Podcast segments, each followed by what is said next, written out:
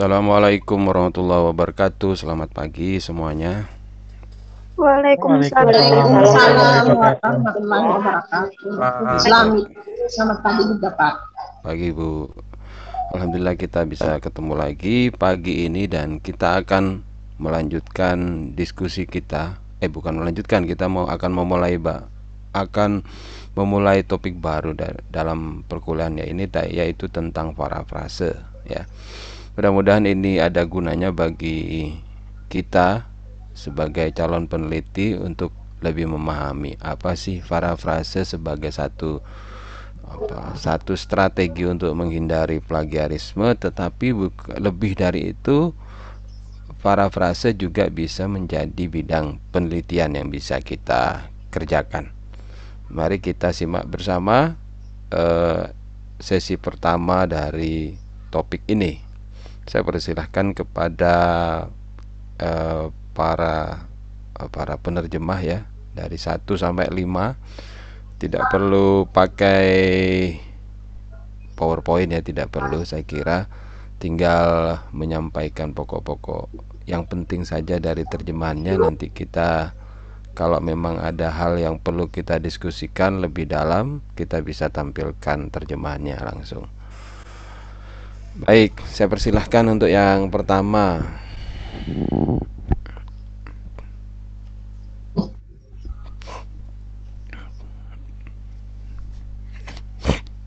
Silakan.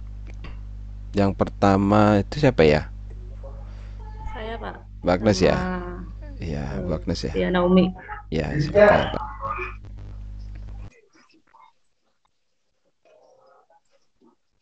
Izin share screen Pak ya. Silakan.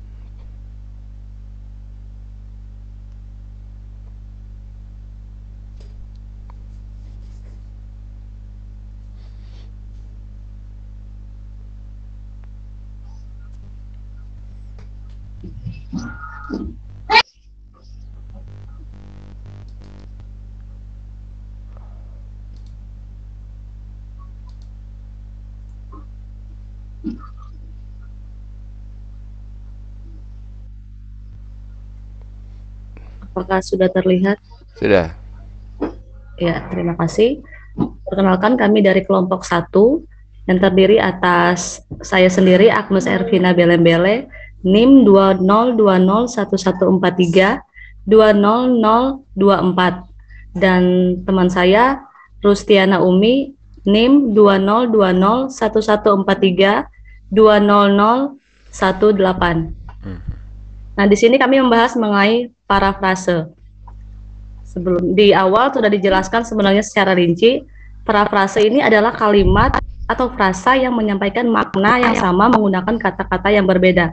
Nah, saya sepakat dengan kata Pak Sainul tadi bahwa parafrase ini bisa digunakan ketika kita melakukan uh, tes plagiasi karena saya sudah mencoba kemarin ada beberapa dua ada 22% plagiasi yang saya dapat terus saya coba pakai parafrase di mana hanya mengubah uh, satu kata atau satu frasa dan ya uh, bersyukur bahwa memang benar-benar terubah. Nah, contohnya ini ada satu sekolah mengatakan bahwa bus mereka masing-masing memuat 40 siswa. Kata memuat di sini bisa kita ganti menampung.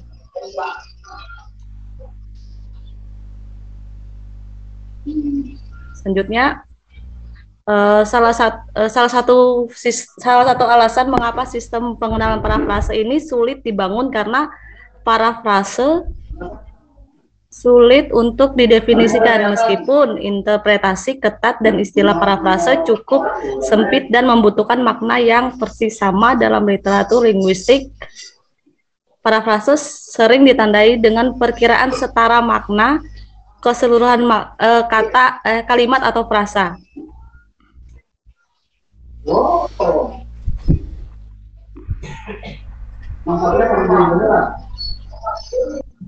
Nah, dalam artikel ini uh, mengambil pandangan luas tentang parafrase untuk menghindari konflik atau gagasan parafrase ke parafrase ketat seperti yang dipahami dalam logika dan gagasan luas dalam linguistik. Ada contoh yang ketiga juga. Ini berupa uh,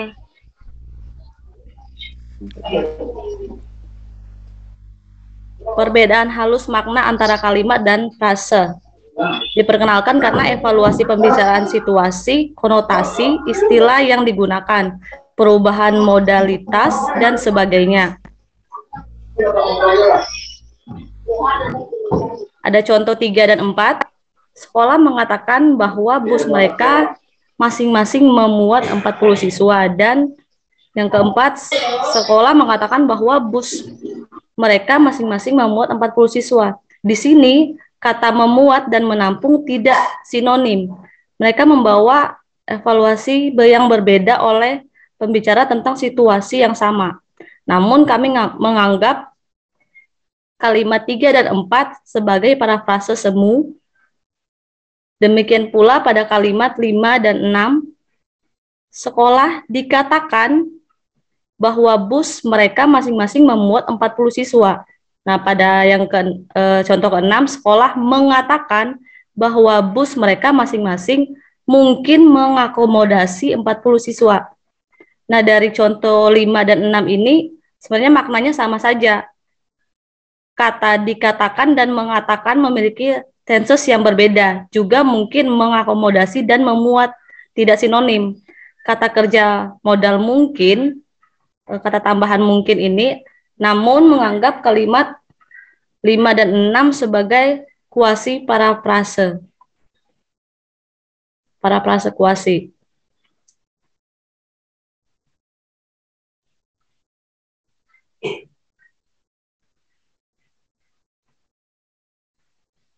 Oke, selanjutnya yang kedua, parafrase fenomena diklarifikasikan.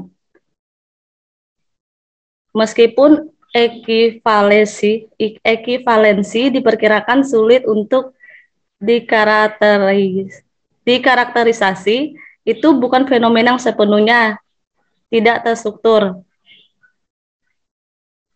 eh, seperti yang ada di pada teori Melchuk pada tahun 2002 dan Hari Haris pada tahun 1981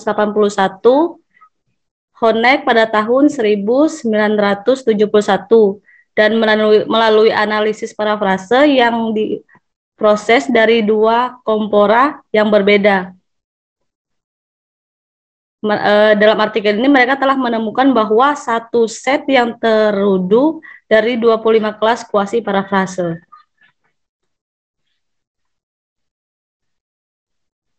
Kelas yang dijelaskan di sini mengkategorikan kuasi parafrase dari leksikal, perspektif, Perspektif leksikal mendefinisikan parafrase dalam hal jenis perubahan leksikal yang dapat terjadi dalam kalimat atau frasa yang menghasilkan generasi parafrasenya. Yang pertama ada sinonim, menggantikan kata atau frasa yang eh menggantikan kata atau frasa dengan kata atau frasa yang bersinonim dalam konteks yang sesuai menghasilkan parafrase kalimat atau frasa yang asli. Kategori ini mencakup kasus khusus genetivis, di mana klitik klitik digantikan oleh indikator genetif lainnya seperti dari dan seterusnya. Kategori ini juga mencakup hampir sinonim yaitu memungkinkan perubahan evaluasi, konotasi dan sebagainya kata atau frasa antar frase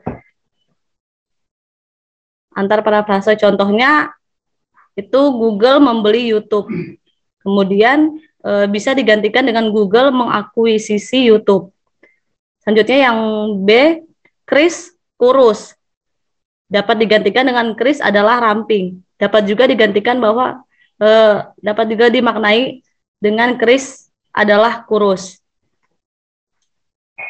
Selanjutnya substitusi antonim Antonim ini menggantikan kata atau frasa dengan antonimnya disertai dengan negasi seperti pada contoh pat makan digantikan dengan pat tidak kelaparan.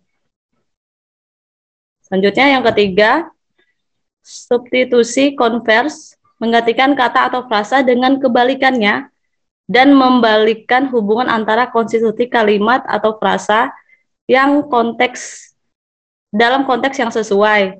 Contohnya, Google membeli YouTube. Dapat juga dimaknai dengan Google dijual ke YouTube. Eh, YouTube dijual ke Google. Kemudian yang keempat, perubahan suara, mengubah kata kerja dari bentuk aktif ke pasif dan sebaliknya menghasilkan parafrase dari kata eh, dari kalimat atau frasa yang asli. Seperti pada contoh, Pat mencintai Chris. Sama sama maknanya dengan Chris dicintai oleh Pat. Selanjutnya yang kelima, perubahan orang mengubah orang gramatikal dari objek yang direferensikan, menghasilkan parafrase dan kalimat frasa dari kalimat atau frasa asli.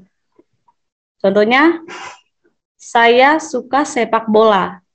Pat berkata, saya suka sepak bola.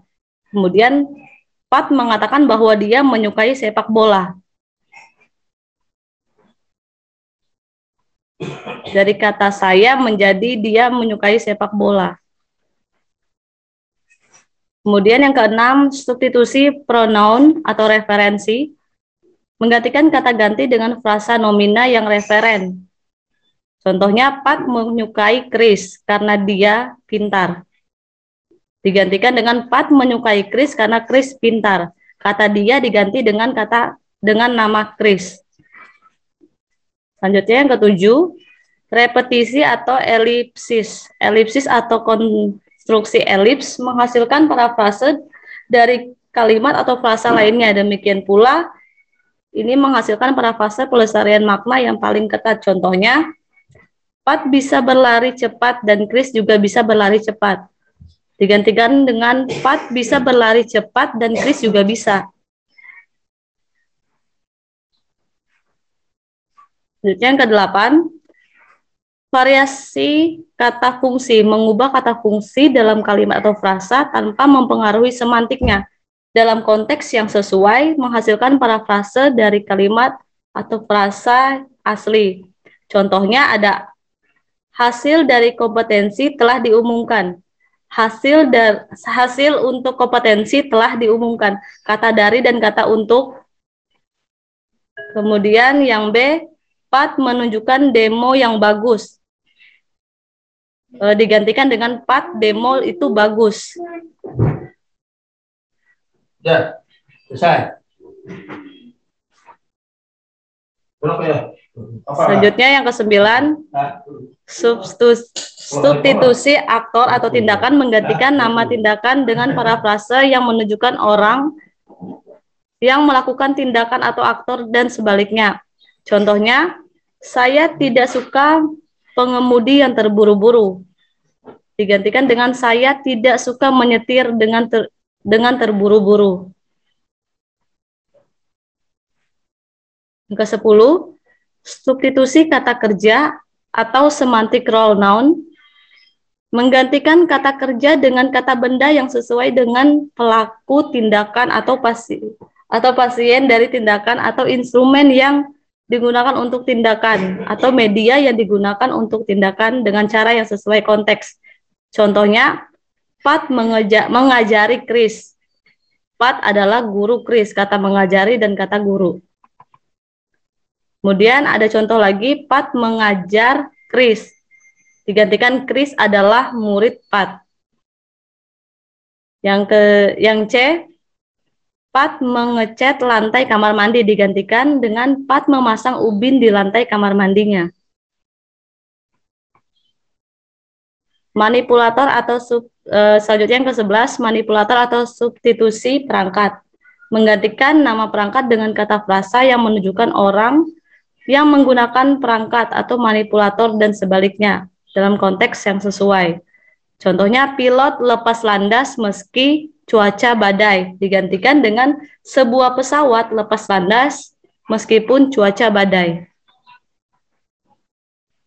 Yang kedua belas, substitusi umum atau khusus menggantikan kata atau frasa dengan kata atau frasa yang lebih umum atau lebih khusus dalam konteks yang sesuai. Contohnya, saya tidak suka pengemudian terburu-buru atau digantikan dengan saya tidak suka pengendara yang buru-buru, yang terburu-buru. Kemudian yang B, Pat terbang di akhir pekan ini. Pat terbang di hari Sabtu ini. Akhir pekan diganti hari, hari Sabtu. Kemudian substitusi metafora menggantikan kata benda dengan penggunaan metafora standar dan sebaliknya. Dalam konteks yang sesuai, contohnya saya harus membeli kabut hari ini. Saya harus melewati kabut hari ini. Digantikan dengan saya harus melewati dinding kabut hari ini. Kata metafora ada di kabut. Kemudian ada contoh yang B, imigran telah menggunakan jaringan ini untuk mengirim uang tunai. Imigran telah menggunakan jaringan ini untuk mengirim mengirim simpanan uang tunai. Yang ke-14, substitusi bagian atau keseluruhan. Menggantikan bagian dengan keseluruhan yang sesuai dan sebaliknya dalam konteks yang sesuai. Contohnya, pesawat terbang Amerika menggempur pertahanan Taliban, digantikan dengan Angkatan Udara Amerika menggempur pertahanan Taliban. Yang ke-15, konversi kata kerja atau kata benda menggantikan kata dengan bentuk kata benda nomina yang sesuai dengan, dengan dan sebaliknya dalam konteks yang sesuai. Contohnya, polisi menginterogasi para peta, para tersangka. Tersangka diinterogasi polisi. Kemudian yang B, virus itu menyebar selama dua minggu. Dua minggu melihat penyebaran virus. Yang ke-16, konversi kata kerja atau kata sifat menggantikan kata kerja dengan bentuk sifat yang sesuai dan sebaliknya dalam konteks yang sesuai. Contohnya, Pat mencintai Chris digantikan dengan Chris menyenangkan Pat. Yang ketujuh, konversi kata kerja atau kata keterangan menggantikan kata kerja dengan bentuk kata keterangan yang sesuai dan sebaliknya dalam konteks yang sesuai. Pat membual tentang pekerjaannya digantikan dengan Pat berbicara dengan sombong tentang pekerjaannya. Membual digantikan dengan sombong. Selanjutnya yang ke-18, konversi kata atau kata benda atau kata sifat menggantikan kata kerja dengan bentuk kata sifat yang sesuai dan sebaliknya dalam konteks yang sesuai. Contohnya, saya akan terbang pada akhir Juni, digantikan dengan saya akan terbang pada akhir Juni.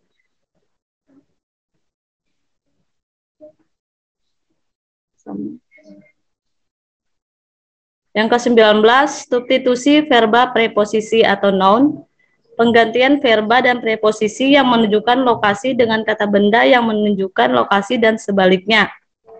Contohnya, finalis akan bermain di Stadion Giants. Stadion Giants akan menjadi tempat bermain untuk para finalis. Yang ke-20, change of tense, mengubah tense kata kerja dalam konteks yang sesuai. Contohnya, Pat dicintai Chris, digantikan Pat mencintai Chris. Yang ke-21, perubahan aspek, mengubah aspek kata kerja dalam konteks yang sesuai. Pada contoh, penerbangan Pat di hari ini. Pat terbang hari ini. 22 perubahan modalitas. Penambahan atau penghapusan modalitas atau penggantian satu modal dengan yang lain dalam konteks yang sesuai. Contohnya A, Google harus membeli YouTube. Digantikan Google membeli YouTube. Selanjutnya yang B, pemerintah ingin untuk mendongkrak perekonomian. Pemerintah berharap untuk mendongkrak perekonomian. Yang ke-23 implikasi semantik menggantikan kata atau frasa yang menunjukkan suatu tindakan, peristiwa dan sebagainya dengan kata frasa yang menunjukkan kemungkinan efek masa depan dalam konteks yang sesuai. Contohnya, Google sedang dalam pembicaraan untuk membeli YouTube. Digantikan Google membeli YouTube. Yang B, marinir berkelahi dengan para teroris. Digantikan dengan marinir sedang melenyapkan para teroris. Yang ke-24, per perkiraan kesetaraan numerik menggantikan ekspresi numerik berupa kata atau frasa yang menunjukkan angka sering kali dengan satuan. Dengan ekspresi numerik kira-kira setara. Dalam konteks yang sesuai, contohnya, setidaknya 23 tentara AS tewas di Irak bulan lalu. Sekitar 25 tentara AS tewas di Irak bulan lalu. Kemudian yang B, Disneyland berjarak 32 mil dari sini atau digantikan dengan Disneyland sekitar 30 menit dari sini. Yang ke-25, pengetahuan eksternal menggantikan kata atau frasa dengan kata atau frasa yang lain berdasarkan pengetahuan ekstralinguistik dalam konteks yang sesuai. Contohnya, kita harus bekerja keras untuk memenangkan pemilu ini. Digantikan dengan Partai Demokrat harus bekerja keras untuk memenangkan pemilu ini. Kata kita diganti dengan kata Partai Demokrat. Kemudian yang B, pemerintah mendeklar, mendeklaris, deklarasikan kemenangan di Irak. Nah ini Bush mendeklarasikan kemenangan di Irak pemerintah diganti dengan Bush. Oke, bisa di, disimpulkan nggak, Agnes, apa simpulan dari artikel ini? Ya Pak, kesimpulan dari artikel ini uh, penggunaan parafrasenya Pak.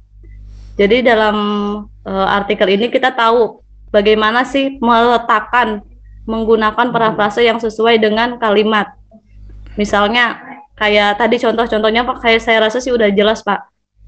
Uh, sering kali ketika kita menulis sebuah jurnal, walaupun kita tidak sengaja ya, uh, bukan copy paste sih, kita tidak sengaja kata-kata kita sama dengan Eh, milik orang lain akhirnya itu jadi plagiat jadi kita ubah saja nah seperti pengalaman kemarin pak uh, saya menggunakan plagi uh, aplikasi plagiasi di mana ada lebih dari sekitar 22 persen. Jadi saya ubah. Yang sal yang menjadi plagiasi adalah sebuah runtutan yang sama dalam satu kalimat. Nah, jadi kita ubah dengan kata-kata seperti tadi, kat, e, mengubah kata menggunakan jadi digunakan atau menyus misalnya yang bersusun, membaca, menulis, berbicara dan menyimak. Itu kan bersusun. Nah, kadang peneliti lain juga bersusun jadi sama. Jadi kita ubah aja susunannya. Begitu, Pak. Oke. Baik. Cukup ya, Agnes ya. Baik, Pak. Terima kasih, Pak. Baik, terima kasih Agnes atas presentasinya dan kita dapat informasi yang berharga dari artikel ini tentang bagaimana cara-cara melakukan parafrase. Ternyata banyak ya, bukan hanya parafrase bukan hanya dilakukan dengan dalam level uh, leksikal ya, tetapi juga uh, apa gramatikal bahkan juga lebih dari sekedar gramatikal bahkan ke level yang lebih tinggi dari sekedar gramatikal misalnya perubahan metafor dan sebagainya itu sudah melampaui perubahan gramatikal ini penting ya Bapak Ibu kalau kita nanti membaca sumber ilmiah lalu kita ingin mengutipnya eh, sebisa mungkin kita gunakan parafrase kalau kita ingin selamat dari eh, plagiarisme atau plagiarisme Ingat kalau nanti Bapak Ibu akan ujian itu pasti karya ilmiahnya sebelum ujian kan harus lolos plagiasi dulu. Nah, yang jadi persoalan di ULM itu uh, setelah plagiasi itu dilakukan sering kali tidak diperiksa ulang sehingga kemudian sistematika berpikirnya menjadi nggak karu-karuan karya ilmiahnya. Hanya sekedar uh, menghindari bahwa karya ilmiah itu bebas dari plagiasi.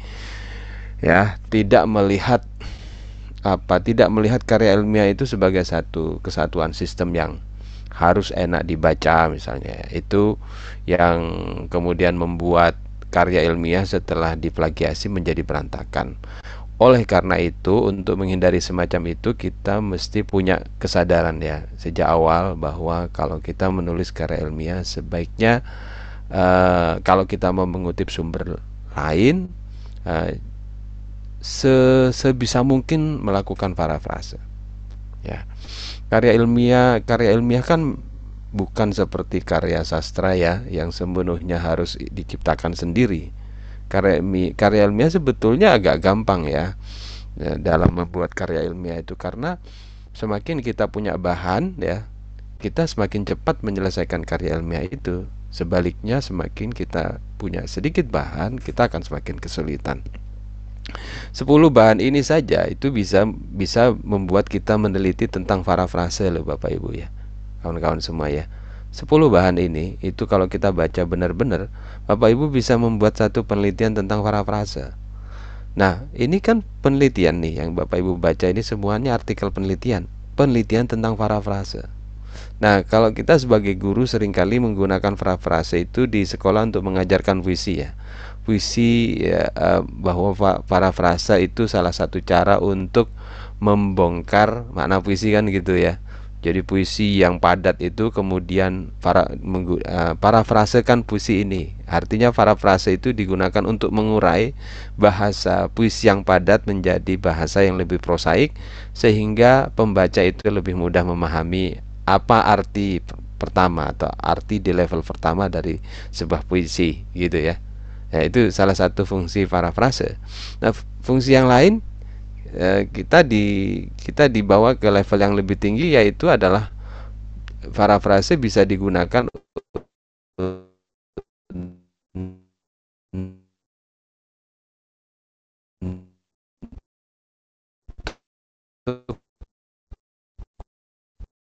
me, apa me, persoalan juga katanya kan yang yang jadi persoalan kan penelitian itu harus berangkat juga dari masalah.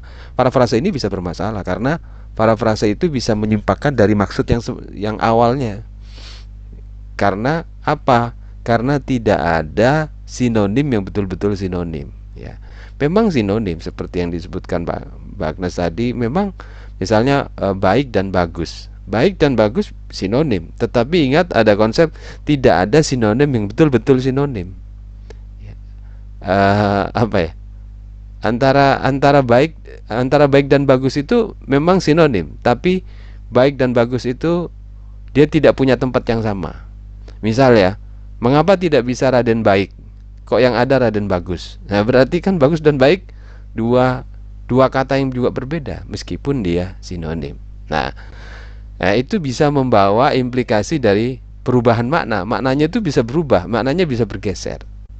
Nah, itu mungkin juga menarik ya untuk inspirasi penelitian. Siapa tahu Bapak Ibu ingin meneliti bagaimana sih misalnya tesis-tesis yang sudah ada di pasca sarjana misalnya atau skripsi, cara dia melakukan parafrase apakah dia uh, membawa sedekat mungkin ke sumbernya atau malah menyimpang dari sumbernya. Nah, itu kan uh, bisa jadi satu topik penelitian yang menarik ya. Itu Baik, eh, terima kasih Bagnes. Eh, kita coba ya, coba kita main gitu ya. Nanti Bapak Ibu coba tuliskan saya mengambil beberapa terjemahan dari Bagnes ini. Saya akan eh, saya akan posting di sini ya. Saya coba akan posting dan coba Bapak Ibu dalam waktu yang singkat lakukan parafrase untuk kalimat ini ya. Saya akan menggunakan beberapa kalimat Uh, bisa tolong dihentikan dulu ya. Baik, saya akan coba share screen uh, ini. Kelihatan? Sudah terlihat, Pak. Oke, silakan. Coba uh, Bapak Ibu buat parafrase ini bagaimana? Kalau memparafrasekan ini. Parafrase adalah kalimat atau frase yang menyampaikan makna yang sama dengan menggunakan kata-kata yang berbeda. Coba diparafrasekan sekarang. Silakan keting di chat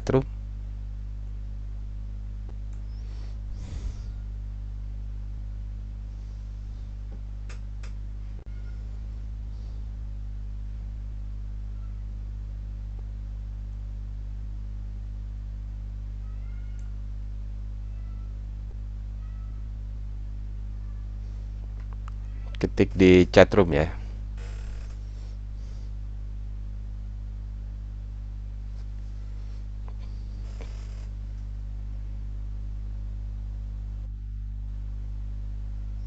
Oke, Mbak Nur Ain sudah. Untuk menyampaikan makna yang sama dengan kata. Uh, Ibu Nur Ain untuk menyampaikan makna yang sama dengan kata yang berbeda bisa digunakan var uh, Oke, okay. untuk menyampaikan makna yang sama dengan kata yang berbeda bisa digunakan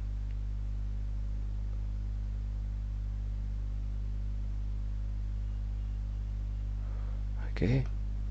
Penggunaan kalimat atau frase frasa dengan bentuk yang berbeda untuk menyampaikan makna yang sama disebut parafrase. Oke.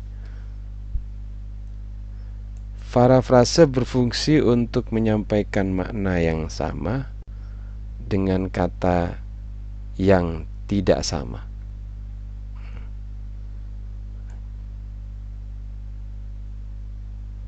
Oke.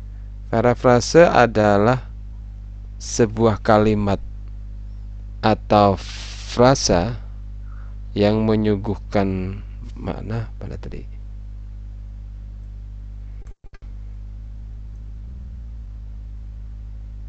Ini dari Agnes. Parafrase adalah sebuah kalimat atau frasa yang menyuguhkan makna yang sama dengan memakai kata-kata yang berbeda. Oke.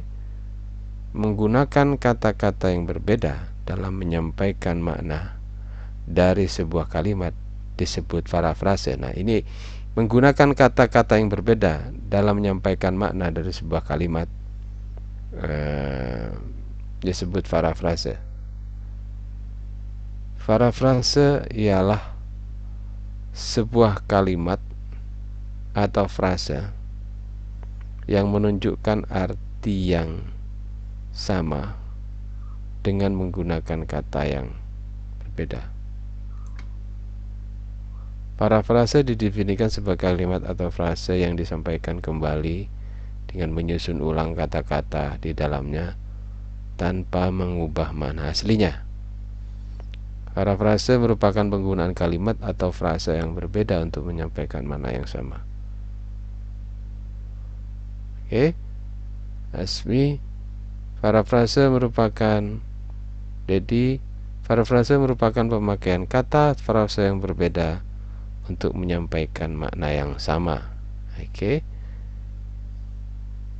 Baik, saya kira sudah paham ya. Tetapi ada satu di sini yang yang kurang pas ya seperti yang dibuat oleh Ibu Agustina ya.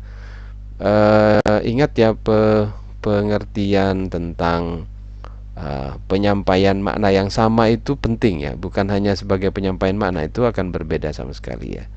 Di sini kalau Ibu Agustina ini mana tadi uh, sudah saya kira sudah paham ya apa yang dimaksud dengan parafrase dan kalau kita semakin terlatih ya uh, dan itu ya apa uh, keterampilan kita sangat menentukan agar apa? Para parafrase yang kita buat justru tidak memang harus dengan kata-kata yang berbeda. Dan kata-kata yang berbeda itu jangan sampai apa ya uh, kata-kata pilihan katanya tidak jauh lebih enak kalau dibaca gitu loh. Ya. Diusahakan ada banyak pilihan ada banyak cara dan kita bisa lihat ya di dalam cara Bapak Ibu dan kawan-kawan semua membuat parafrase dari kalimat tadi ya. Itu sudah jelaskan mana yang enak dibaca, mana yang tidak ya. Tapi semuanya berhasil membuat parafrase ya. Kecuali mungkin beberapa yang masih belum ya. Oke. Baik, saya kira uh, cukup untuk sesi yang Agnes. Kita lanjutkan ke yang berikutnya, presentasi berikutnya. Ada apa kira-kira di artikel berikutnya tentang parafrase? Silakan. Siapa berikutnya? Saya dan Umi Salamah, Pak. Silahkan, Aulia. Izin membagikan layar, Pak. Ya.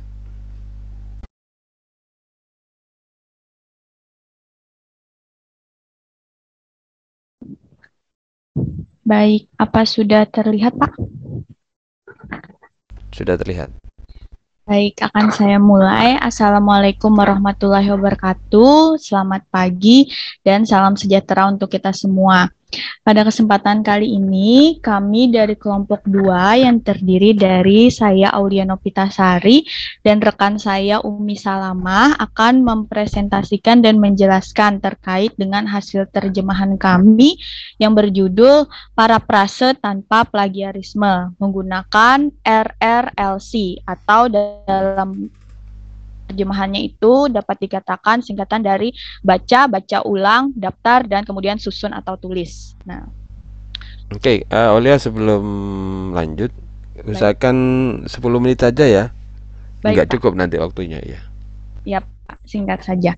Baik, pada bagian awal ini paragraf awal itu menjelaskan terkait dengan plagiarisme yang di mana di sini mengutip dari salah satu pendapat bahwa plagiarisme itu dapat dikatakan mengklaim ide orang lain atau informasi sebagai milik sendiri tanpa memberikan kredit sumber yang sesuai.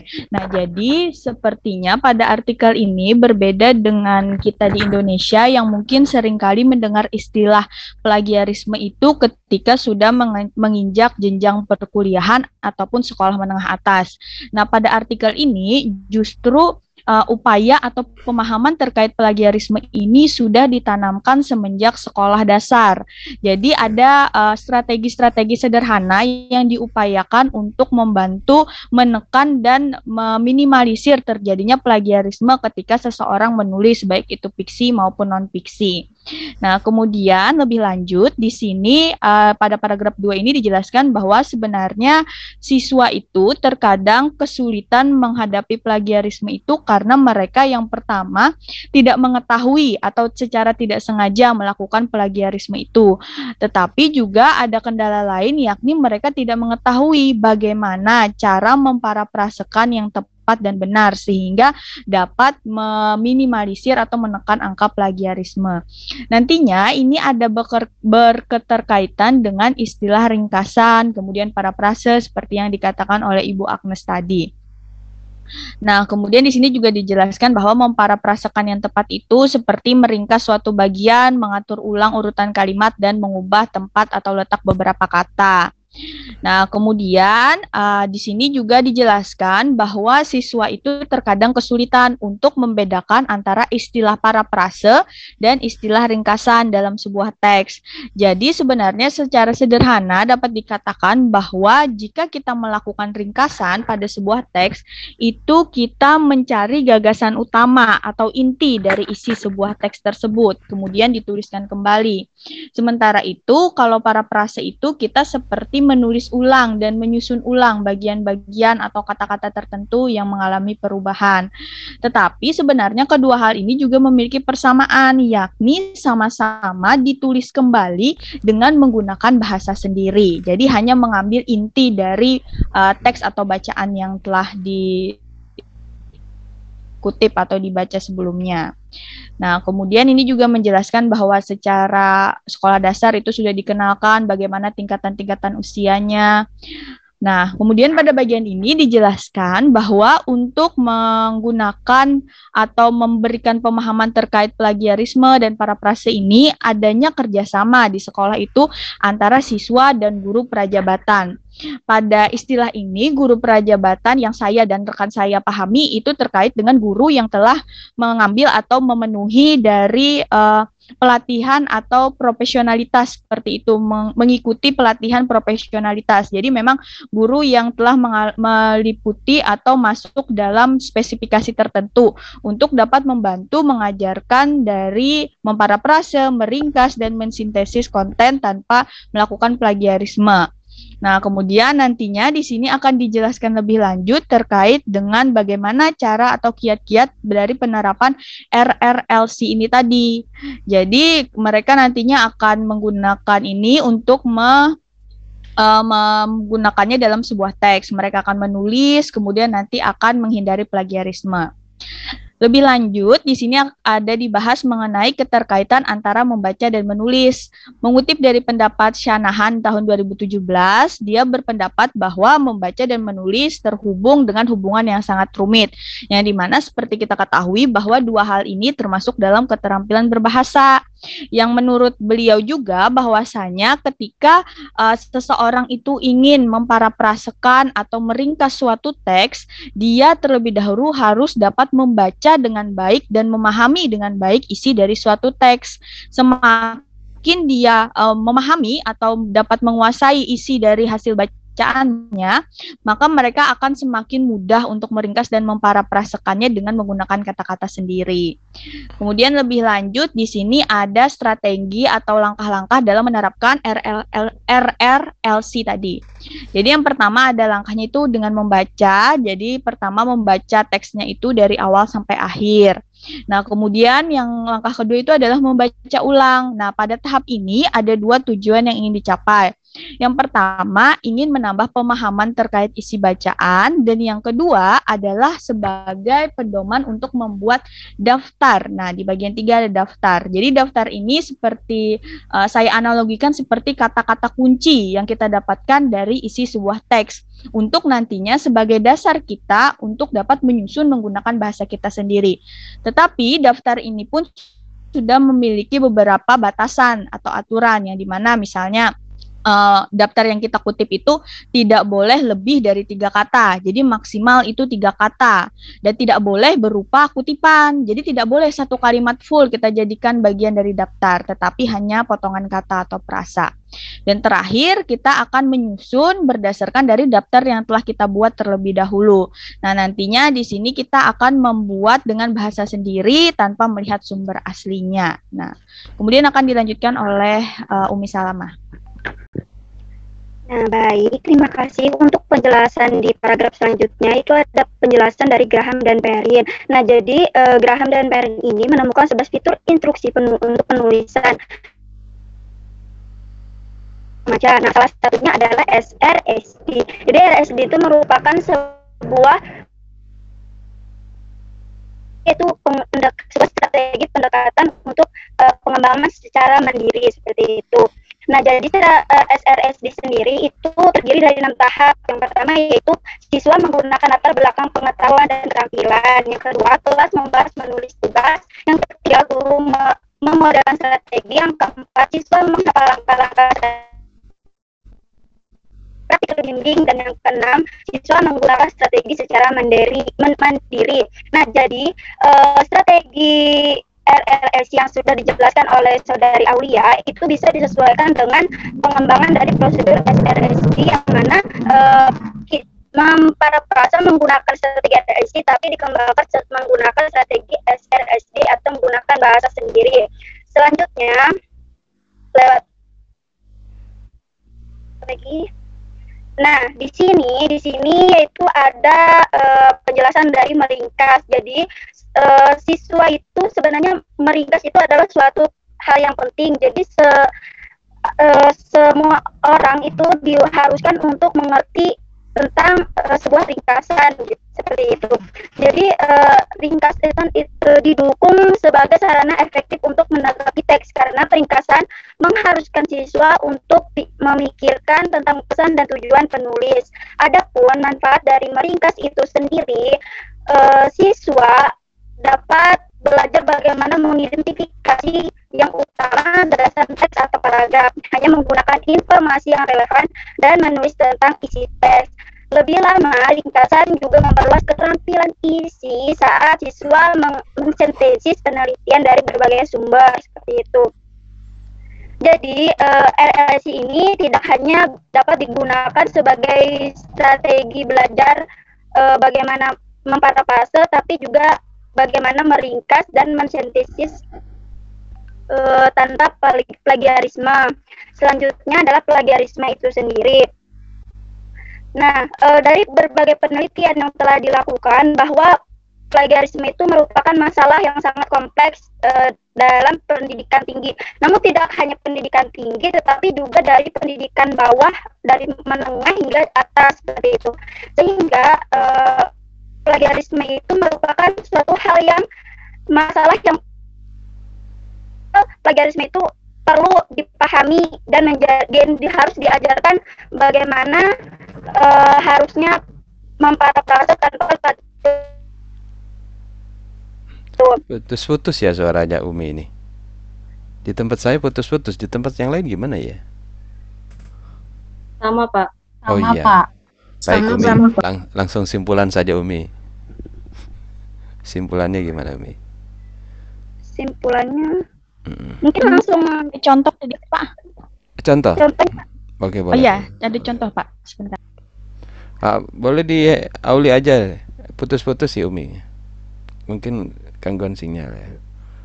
Baik, Contohnya Auli. eh, akan saya lanjutkan. Di sini ada dua contoh penelitian yang dilakukan. Yang pertama itu dilakukan kepada guru prajabatan tadi yang bernama Jainab atau namanya itu disamarkan. Nah, jadi beliau ini diminta untuk menerapkan RLL, RRLC. Maaf. Jadi ini untuk eh, tulisan non fiksi ya. Nah, di sini adalah contohnya yang di mana beliau pertama dulu mencantumkan eh, sumbernya. Nah, seperti ini ada namanya, tahunnya, halamannya dan seba dan jurnalnya dan sebagainya. Kemudian dibuatlah seperti ini yang saya jelaskan sebelumnya tadi yakni daftar-daftar. Nah, seperti untuk menggunakan kata-kata kunci. Nah, kemudian setelah itu beranjak menjadi sebuah hasil seperti ini, tulisan seperti ini yang di mana ini sudah dibuat ulang bahwasanya menggunakan bahasa pribadi dan digu- dikembangkan dengan bahasa sendiri yang berbeda dengan bahasa yang bagian awal. Nah, selain dari eh, dilakukan kepada orang dewasa, diterapkan juga kepada siswa SD. Nah, siswa SD ini bernama Natalina yang dia itu kelas 3 SD dan untuk membantunya itu bernama Daniel. Nah, jadi Daniel ini menggunakan eh, hal-hal yang disukai atau disenangi oleh Natalina. Jadi dia membantu Natalina untuk menerapkan strategi RLC ini tadi untuk menulis tulisan fiksi dan non fiksi. Pada bagian ini Natalina itu senang dengan jerapah.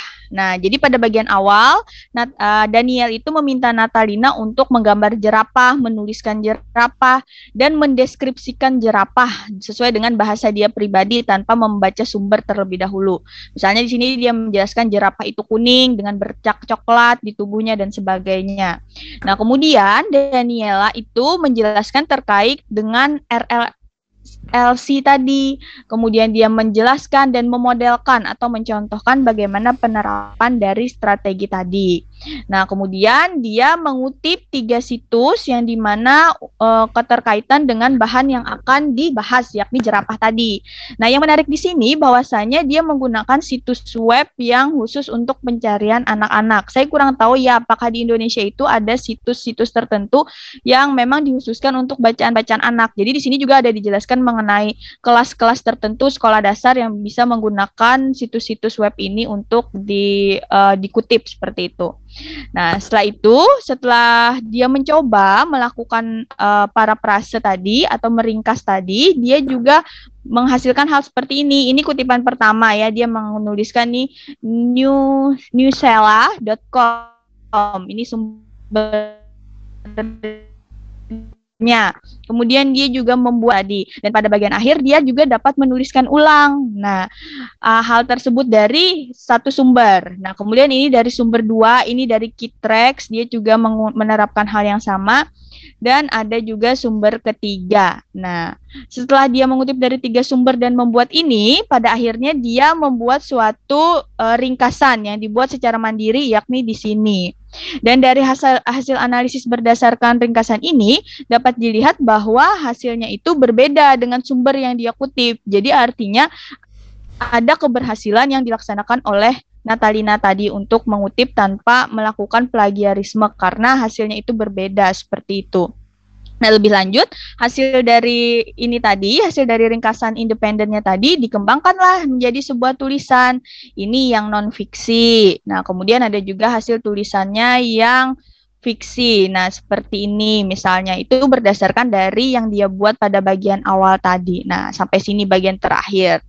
Sehingga kesimpulannya adalah bahwa strategi ini dapat membantu guru sebagai alat uh, strategi RRLC ini tadi ya dapat membantu guru sebagai alat untuk memberikan pemahaman dan pelatihan kepada siswa untuk dapat meminimalisir atau menekan angka plagiarisme. Jadi siswa juga akan lebih bebas untuk menggunakan bahasa mereka sendiri dalam menceritakan kembali suatu peristiwa atau suatu hal yang mereka kutip. Ini juga dapat memberikan dampak positif dari hasil uh, keterampilan membaca dan menulis mereka karena keterampilan membaca dan menulis akan dipengaruhi dan akan semakin berkembang. Mungkin seperti itu, Pak. Di sini ada literatur yang dikutip dan ada daftar pustaka. Terima kasih. Baik, terima kasih Aulia dan Umi ya. Eh, kita dapat kabar baik lagi ya tentang tentang apa plagiarisme. Uh, jadi kita bisa menyadari mengapa perkembangan ilmu pengetahuan itu sangat cepat di sana ya karena di sana me, melatih orang untuk menjauhi plagiarisme seperti kata Aulia itu bukan dimulai dari perguruan tinggi tapi dimulai sejak SD jadi SD itu sudah diperkenalkan dengan konsep menjauhi plagiarisme. Plagiarisme itu menumbuhkan rasa percaya diri pada siswa ya. Bahwa siswa itu suaranya bisa benar tentang menceritakan sesuatu tidak harus Nah, dalam kasus kita itu sangat memprihatinkan kan. Bahkan di level guru saja, saya banyak-banyak sekali menemukan guru tidak percaya diri untuk meninggalkan buku paket. Jadi buku paket yang dari Jakarta pokoknya pakai itu. Karena ini dari Jakarta pasti benar, padahal ngawur juga yang dari Jakarta ya kan. Kutipannya ini ngambil di internet asal ngambil aja gitu kan. Uh, dan dia tidak tidak percaya diri untuk me, me, apa, menggunakan menggunakan sumber-sumber yang baru yang mungkin sangat lebih kontekstual dan lebih dekat dengan kehidupan siswa.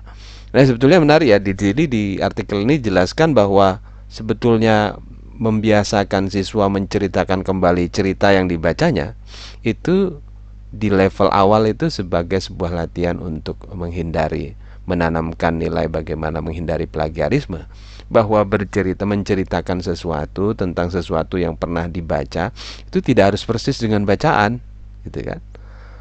Yang penting dia bisa mungkin kurang-kurang dikit tidak tidak masalah tapi paling tidak intinya bisa mirip gitu. Nah ini ini sebetulnya juga apa latihan parafrase secara lisan. Jadi parafrase bukan hanya dilakukan dengan secara tertulis tetapi juga bisa dilatih secara lisan di level pendidikan yang uh, rendah. Jadi ini inspiratif sekali. Uh, tips mengajar RRLC ini mungkin kalau diadaptasi ke Indonesia entah apa uh, terjemahannya ya. Uh, tapi saya tidak tahu apakah ini memang penting untuk diteliti dalam konteks pendidikan di tempat kita. Tapi terima kasih informasinya. Uh, ada informasi yang paling baru dari artikel ini adalah bahwa plagiarisme itu harus diajarkan, anti plagiarisme harus diajarkan sejak dini, ditanamkan pada uh, siswa kita. Kalau yang guru ya, mudah-mudahan ini bisa uh, bisa jadi inspirasi penelitian juga ya, uh, tapi juga bisa inspirasi untuk pembelajaran di sekolah. Baik, yang selanjutnya. Saya dan Gio, Pak. Ya, silahkan. Mana Gio? Gionya tidak bisa berhadir katanya pak. Oh iya. Anu ya? Mau acara. akad nikah enggak bukan pak. Oh, ada bukan. acara di sekolahnya oh, iya. katanya pak. Di sekolahnya. Ya sudah. Kalau akad nikah harus diundang kita ya. Ya lanjut ya. Terwin ya apakah sudah terlihat pak? Sudah. Ya. Assalamualaikum warahmatullahi wabarakatuh. Perkenalkan kami dari kelompok 3 ada Anugerah Gio dan saya Muhammad Harun Rivaldi. Kami di sini membahas tentang terjemahan dan parafrasa. Perbedaan dan alasan mengapa ini penting dari Jacob Neusner dari Brown University. Nah, yang pertama itu terjemahan dan parafrasa itu berbeda. Terjemahan itu mengubah bahasa secara harfiah dari terjemahan aslinya, tapi kalau parafrasa itu mengambil intisari lalu dibahasakan dengan cara sendiri yang sudah dijelaskan sebelumnya tadi. Nah, yang setelah itu yang harus diperhatikan dalam menerjemahkan antara lainnya itu mengambil literaturnya dari mana, kita tahu tempatnya itu dari mana, Nah, dari situ itu penting untuk diperhatikan. Setelah itu harus menyesuaikan dengan bahasa yang digunakan oleh masyarakat sekitar sehingga terjemahan itu dapat dipahami oleh masyarakat sekitar tempat tempat penterjemah dan yang akan diterjemahkan tersebut. Nah, di sini Oke, ada Erwin, bisa dibesarkan sedikit teksnya Oh ya, Pak. ke 140 mungkin ya. Oke, cukup. Setelah itu ada contoh penterjemahannya yaitu di sini artikelnya mengambil terjemahan dari bahasa Ibrani kuno, Ibrani klasik maksudnya. Nah, di situ di sini Jacob Neusner ada mencatat poin-poinnya di sini. Setelah itu dia dia itu berbeda dengan terjemahan yang sebelumnya dari Broad dan Capstein.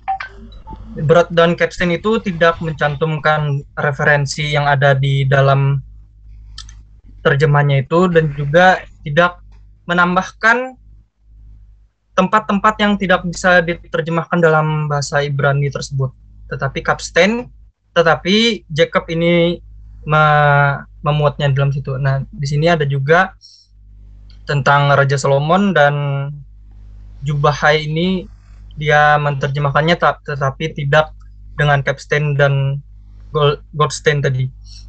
Setelah itu dia mengkritisi tentang terjemahan Goldin ini tidak memuat tidak memuat hal-hal penting di dalamnya yaitu karya terjemahan tidak berpikir referensi untuk unit dokumennya yang dibuat oleh Goldin ini tadi. nah, dan juga dia mengkritisi Goldin juga gagal dalam pendahuluan dan catatan kaki untuk membahas teks dengan cara apa pun yang dapat dia pahami. Di situ dia tidak memuat redaksi, formulasi, komposisi, tujuan, dan terus menerus. Dan setelah itu.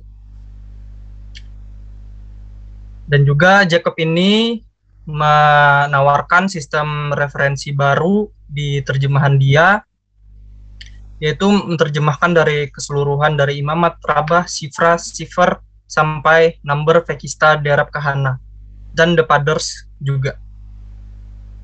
Setelah itu untuk mencapai tujuan ini dia itu telah menandai setiap unit dari terjemahan itu kemudian masing-masing pernyataan lengkap dan meyakinkan sebuah paragraf dan komposisi yang cukup besar untuk setiap babnya yang dia terjemahkan dan mengikuti pembagian dari Arna, dari Serter, dan Mendelbaum untuk PRK. Dan juga dia menambahkan angka-angka Romawi di dalam terjemahannya tersebut yang tidak dilakukan oleh penterjemah sebelumnya. Yaitu di sini ada lagi sebuah catatan untuk penterjemah selanjutnya atau penerjemah yang sebelumnya itu definisi yang baru dari Modern Bible Translation dengan komentar dia yang membuat merangkum yang merangkum karya ilmiah dari terjemahan dan mengandalkan ringkasan. Setelah itu terjemahan yang terikat dengan bahasa Ibrani dia tidak bisa merekonstruksi bahasa Ibrani dari bahasa Inggris tetapi sudah mencobanya. Setelah itu ada editor teks kritisnya di dalam terjemahan si Jacob ini. Dia memuat untuk Genesis Rabah dan dan serangkaian lainnya. Setelah itu ada referensi untuk menerjemahkan ke dalam bahasa Inggris yaitu Inggris Raya bukan Amerika Serikat tetapi untuk menerjemahkan Rabi dia lebih suka menerjemahkan dan menafsirkannya lebih kontemporer. Itu saja dari saya Pak. Terima kasih. Baik, terima kasih Mas Erwin ya. Uh, intinya begini ya yang kalau tadi Mas Erwin mengawali bahwa uh, apa terjemahan dan parafrase berbeda lalu kemudian terjemahkan di definisi kayak gini dan seterusnya uh, saya kurang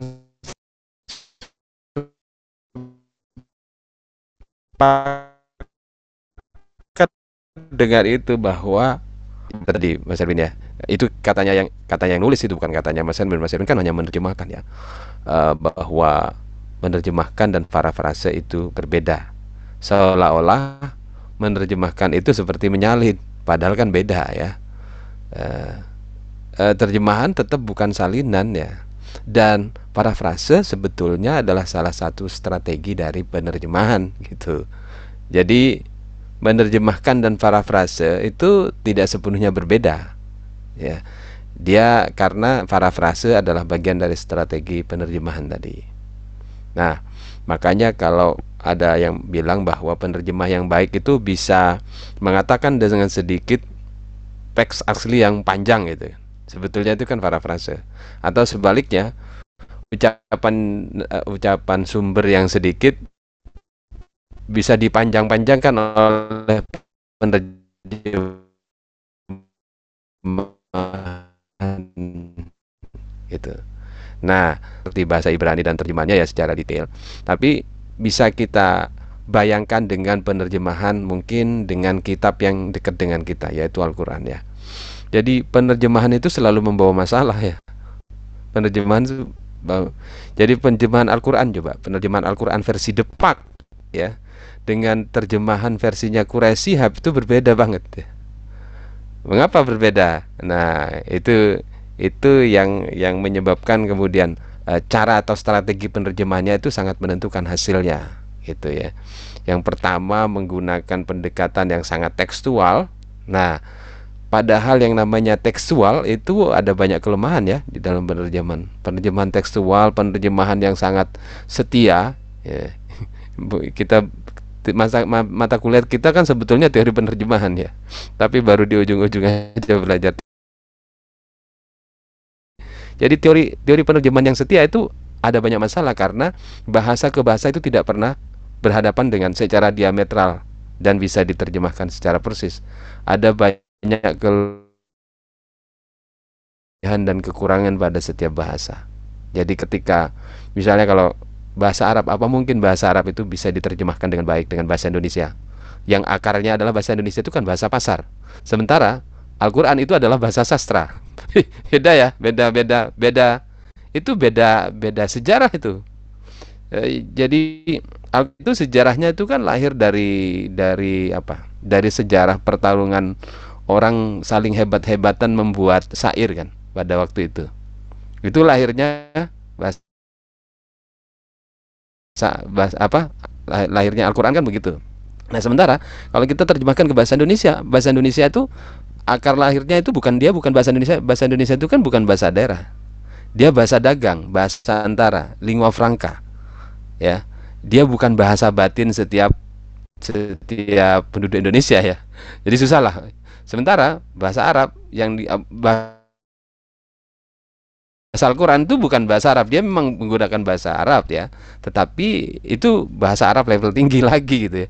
Itu sastra itu nah itu yang kemudian bisa jadi persoalan. Maka kemudian satu kitab tapi tafsirnya sangat banyak lebih dari nah tafsir itu adalah salah satu dari cara orang menerjemahkan ya. Dan tafsirnya banyak banget gitu.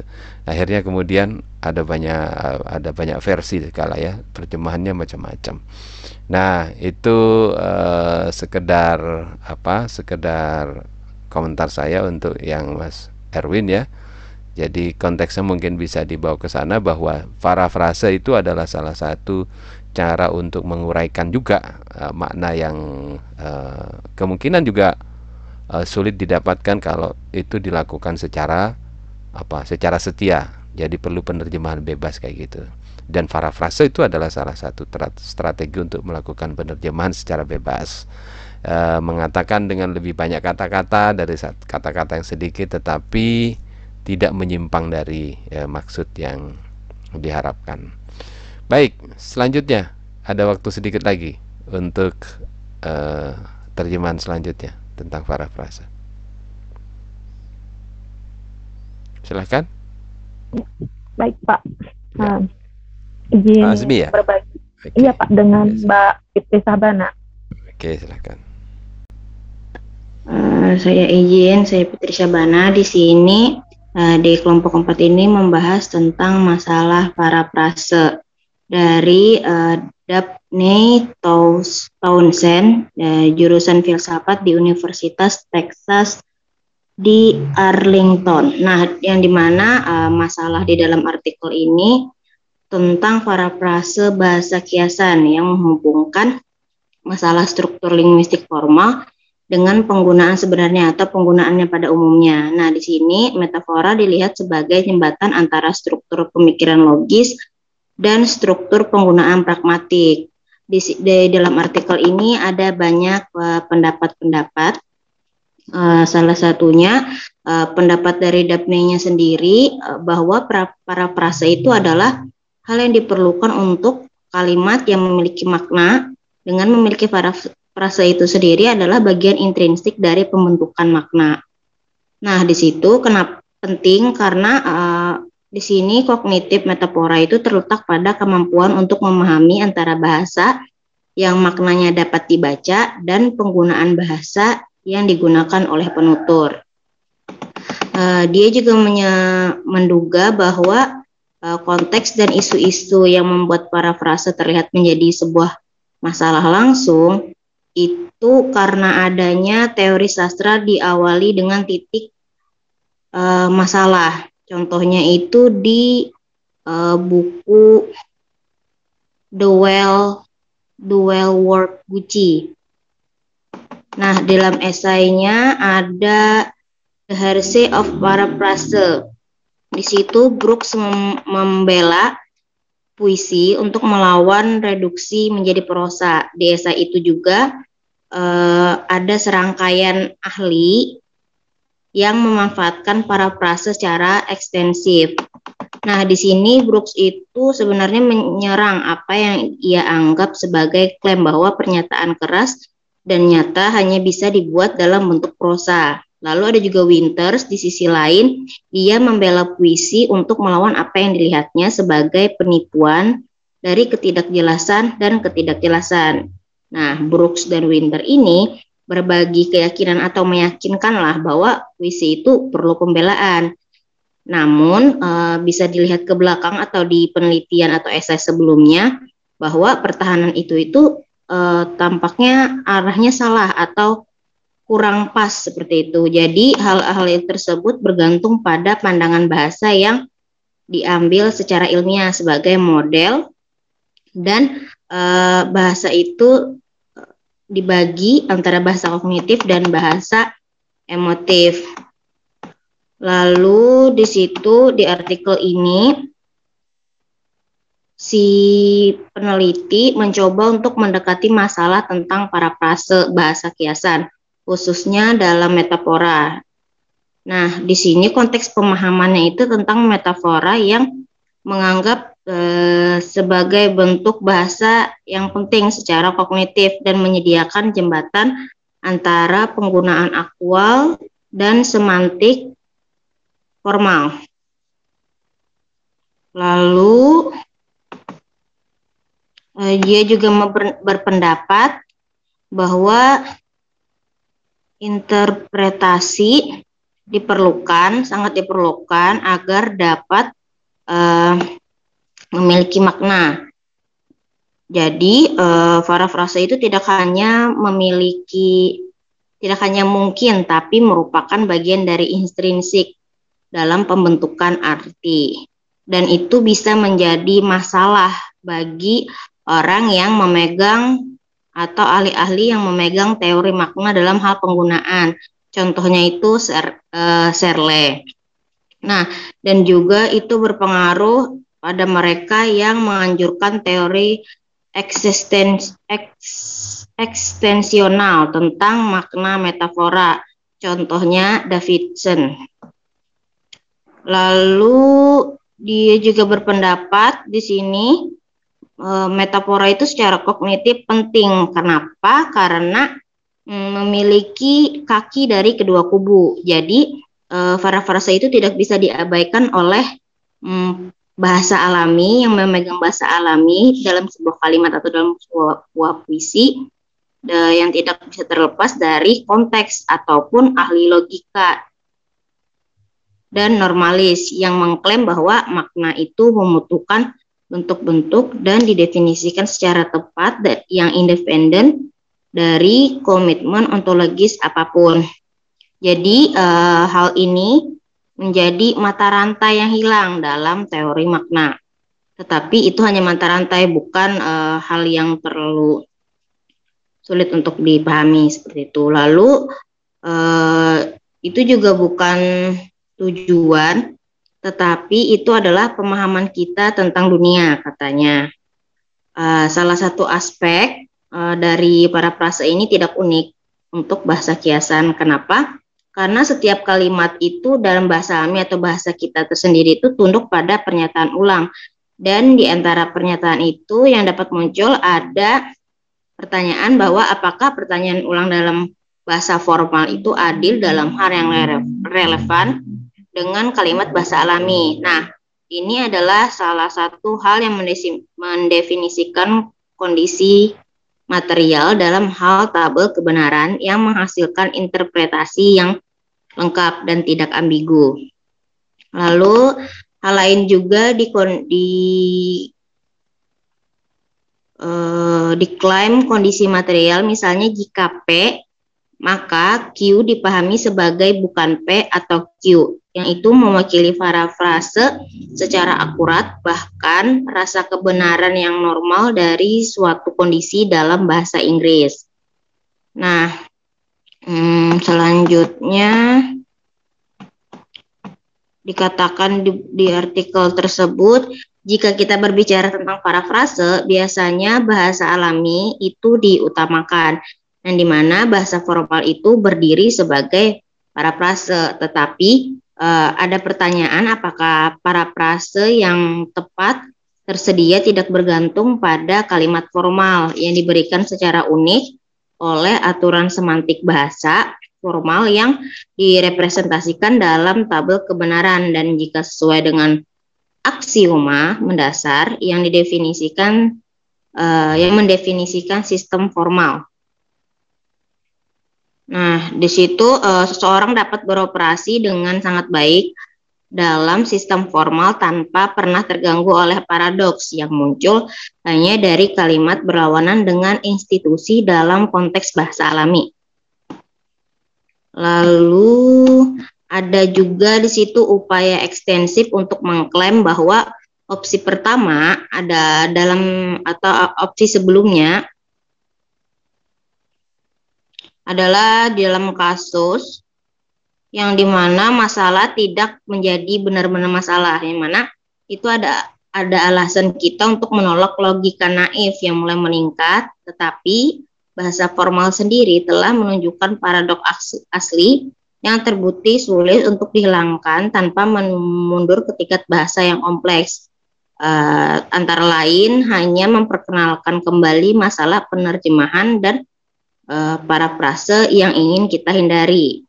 Selain itu, klaim ini berlawanan dengan institu, insti, institusi. Uh,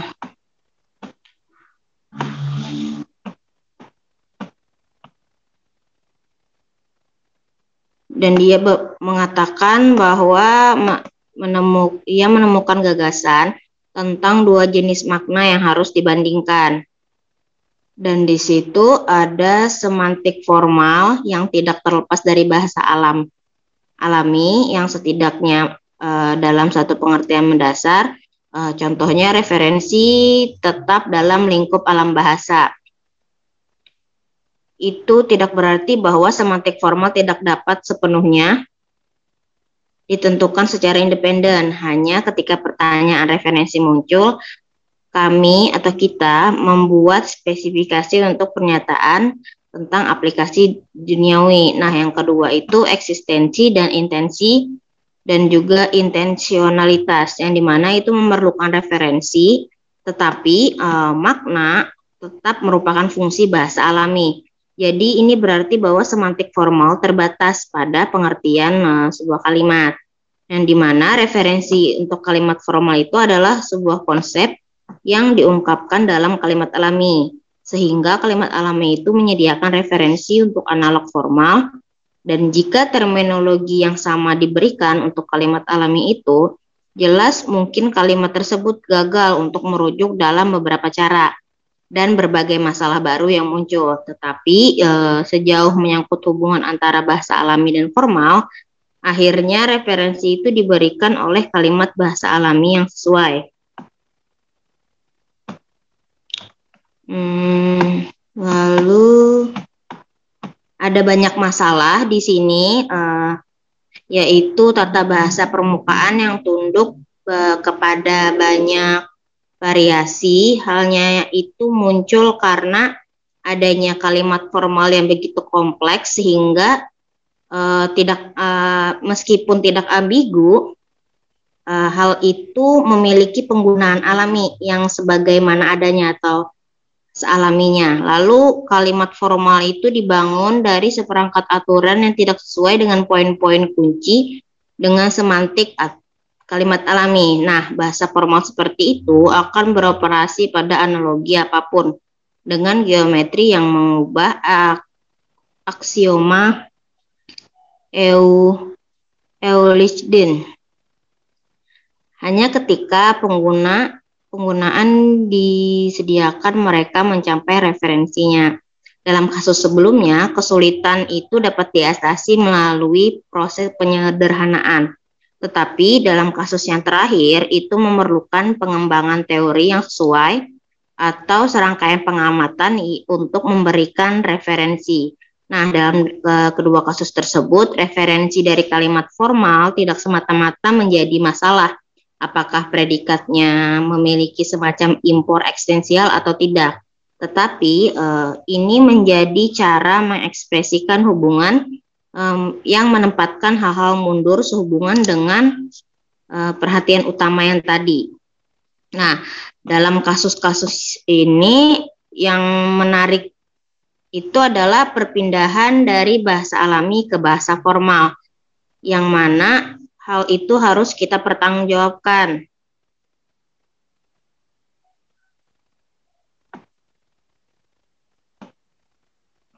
Di situ ada Waktunya akan habis ini Mbak Fitri.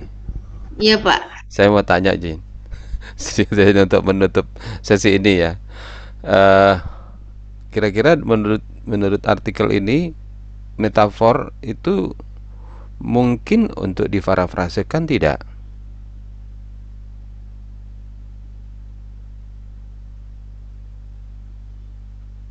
Ah, atau ubah saya ubah pertanyaannya. Apa yang bisa dilakukan oleh para frase terhadap metafor misalnya? Kan di sini yang dibahas metafora ya. Gaya bahasa khususnya metafora. Nah, dengan asumsi bahwa uh, sulit loh memparafrasekan metafora. Nah, saya dengar-dengarnya seperti itu kalau mengikuti uraian ini. Uh, kalau bacaan kelompok ini metafora bisa diparafrasekan tidak? Atau apa yang bisa dilakukan oleh ah metafora kembali parafrase bisa uh, apa yang bisa dilakukan parafrase terhadap metafor? Misalnya ya contoh metafor itu aku ini binatang jalang. Kalau diparafrasekan gimana? Untuk kasus tertentu mungkin bisa Pak, tapi untuk hmm. yang tadi aku itu binatang jalang mungkin itu rada susah Pak untuk di parafrasekan seperti itu Pak. Ya susah ya. Iya jadi, Pak. Uh, untuk kasus tertentu saja. Hmm, jadi karena apa? Karena kata artikel ini uh, proses memparafrase itu adalah bagian dari dari pemahaman puisi itu sendiri. Jadi ketika orang mencoba memahami puisi di dalam otaknya itu sudah berlangsung apa yang namanya parafrase karena kan e, sifat bahasa puisi beda dengan bahasa alamiah ya atau bahasa formal berbeda. Jadi e, sejelas-jelas puisi dia tetap metaforik gitu. Jadi ada sesuatu yang e, harus diungkap dari luar itu. Dan para frase tetap punya peranan seperti itu. Tetapi e, kalau saya tangkap pesannya para frase memang bukan satu-satunya ini ya satu-satunya jalan untuk memahami puisi ya jadi dia tetap kesulitan untuk menangani puisi dan kita bisa lihat ya dari empat artikel ini eh, kita bisa melihat bahasa yang berbeda dan memparafrasekannya juga tidak mudah, termasuk juga memahaminya. Ada ya dari dari artikelnya Mas Erwin, artikelnya kelompoknya Azmi ini kan berbeda ya, karena berbeda penulis, ya berbeda teks juga gitu. Nah, akhirnya untuk menerjemahkannya pun tidak sama, memahaminya juga tidak sama. Yang sangat mudah mungkin di artikelnya Aulia tadi ya, yang karena itu ditulis oleh seorang guru pendidik dan bahasanya juga berbeda sehingga me memparafrasekannya jadi lebih mudah ya. Baik, waktunya sudah habis. Ada satu ada satu uh, ada satu kelompok yang uh, belum presentasi ya. Jadi nanti uh, minggu yang akan datang kita lanjutkan diskusinya ya. Terima kasih atas presentasinya yang cukup menarik dan inspiratif. Mudah-mudahan di ujung kita tinggal satu kali pertemuan ya. Mudah-mudahan tetap selalu ada banyak inspirasi yang bisa kita bawa sebagai oleh-oleh untuk uh, apa semester selanjutnya. Terima kasih. Assalamualaikum warahmatullahi wabarakatuh. Waalaikumsalam